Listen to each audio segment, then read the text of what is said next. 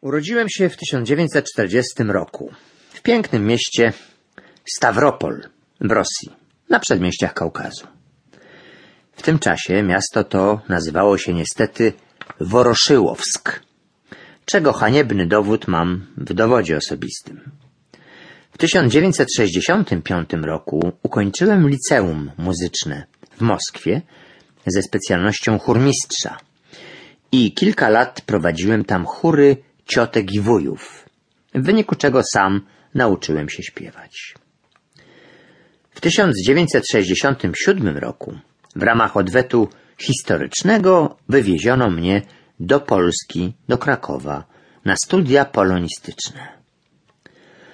Klimat Krakowa i czar polskich dziewcząt spowodowały przemienienie homo sovieticus w Alosze Awdiejewa, znanego w kraju jako buzeranta z piwnicy pod baranami i Zajcewa z popularnej telewizyjnej ekstradycji. Dorobiłem się własnej polskiej rodziny, domu i obywatelstwa. Od dwudziestu lat nauczam w Uniwersytecie Jagiellońskim samodzielnego myślenia, nie tylko w języku rosyjskim. Jestem szczęśliwy i stosunkowo dobrze odżywiony.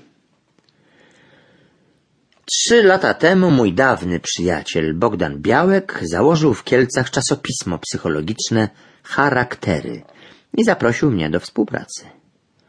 Zaskoczony faktem, że w Kielcach można cokolwiek założyć, nieostrożnie zgodziłem się, w wyniku czego powstały felietony, które obecnie proponuję litościwemu czytelnikowi. Jest to zabawa umysłowa, która pokazuje różnicę między myśleniem naukowym i potocznym, logiką i codziennym ludzkim mędrkowaniem. Natchnienia nabierałem u Hasydów, klasyków marksizmu, leninizmu i ojca Józefa Bocheńskiego.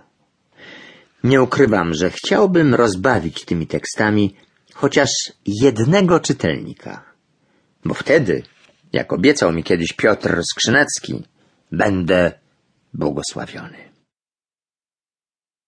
O filozofii potocznej.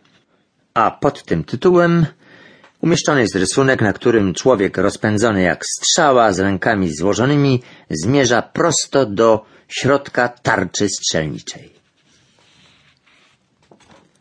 Pomyśl, a zobaczysz, że myślenie ci się spodoba.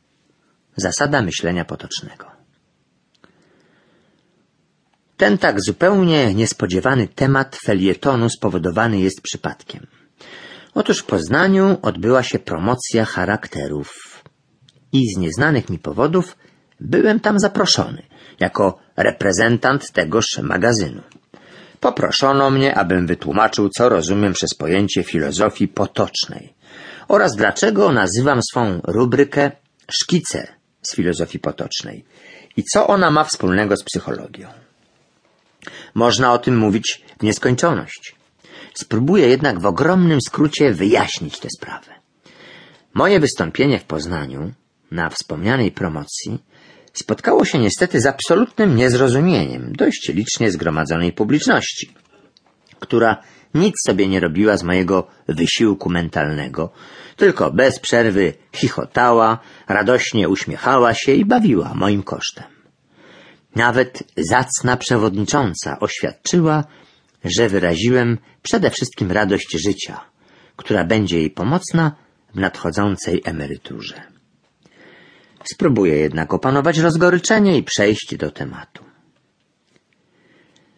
Pojęcie filozofii potocznej jest dla mnie synonimem mądrości ludowej lub terminu rozum chłopski, pochodzącej z polskiego wyrażenia na chłopski rozum.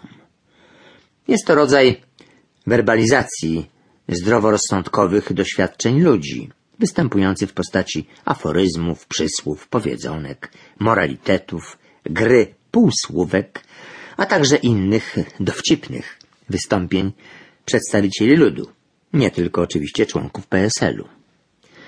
Te twory umysłowe cechuje wyraźne zaburzenie racjonalizmu i tak zwanej naukowej dyscypliny myślenia, co się przejawia w ich wieloznaczności.